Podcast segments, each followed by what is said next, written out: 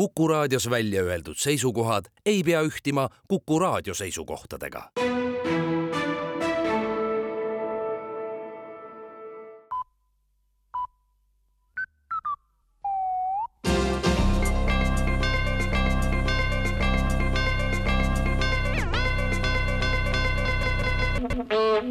tere kuulama uudiseid stuudios Rohke Debelak tuuline ilm on tekitanud mõningasi ebamugavusi paljudele laevareisijatele, kuid rohkem kui merel kõigutas seekord hoopis sisemaal. päästeamet annab teada, et Paide lähedal Vaetses tuli teateid, et torm ei lase poe juurest inimesi koduteele asuda.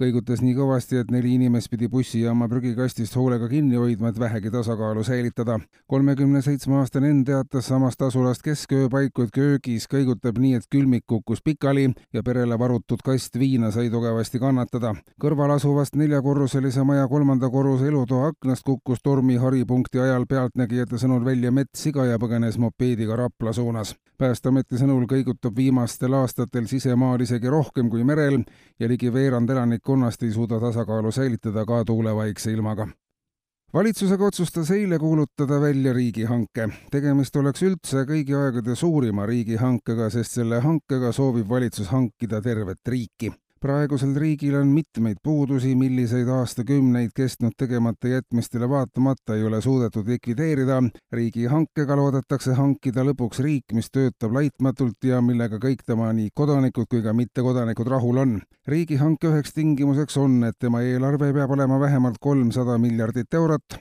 riik peaks suutma korraga Venemaaga nii äri ajada kui ka sõda pidada, tal peab olema korraga nii vasak- kui parepoolne valitsus, ta on ükskeelne, aga sellega on kõik rahul, riik peab olema Põhjala standarditele vastav ja aastaringselt troopilise kliimaga, samas oleks ka piisavalt lund ja külma. kui riigihange õnnestub, siis saavad eestimaalased endale uue riigi juba kahe aasta pärast politsei aga sai eile hilisõhtul veidi enne südaööd teate naabruses elavatelt inimestelt, kes andsid teada, et Toompea lossi suunast kostab tugevat vilesarnast heli. mõni minut hiljem anti teada, tugevat vilet on kuulda ka Stenbocki maja ümbruses.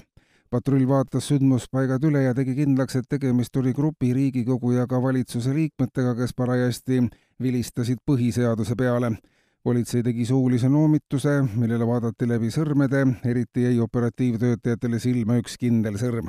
siiski lubasid poliitikud oma teguviisi üle vaadata ja hakata juba lähiajal arutama seaduseelnõud, mis keelaks põhiseadusele vilistamise peale kella kahtekümmend kolm õhtul ja lubaks sellega alustada taas alles kell kümme hommikul kui seadusele saadakse õiguskantsleri heakskiit, siis ööpäevaringne põhiseadusele vilistamine lõpetatakse eeldatavalt juba järgmise aasta esimesel poolel. seni aga käib töö ja vile paratamatult koos, tunnistavad rahvaasemikud ja ka spordist. eile Sildaveres toimunud maakonnakinnistel meistrivõistlustel korvpallis peeti dramaatiline kohtumine. igipõlised rivaalid Koongas Ihitu ja Peeriti Pallur pidasid ägeda duelli punkt punkti mängus õnnestus mõlemal meeskonnal kordamööda paaripunktilised eduseisud saavutada, esimese poolaja lõppedes oli tablool siiski viiginumbrid. teise poolaja alguses läks Koonga võistkond kohe kahekümne kolme punktiga juhtima, ent mõne minuti pärast olid tablool taas viiginumbrid.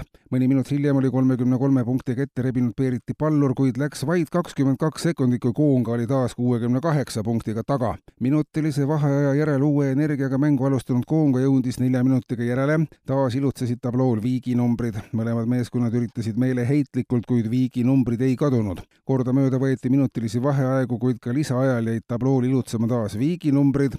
kolmandale lisaajale mindi taas viigilises seisus, mäng oli veninud üle südaöö, kuid tablool püsisid ikka veel viigi numbrid ja mängu algusest oli möödas juba enam kui üheksa tundi. seis tablool püsis ikka viigiline, kui lõpuks mängu katkestas kära peale kohale saabunud võimne direktor, kes andis teada, et tabloo oli tegelikult nässus juba eelmisel nädalal.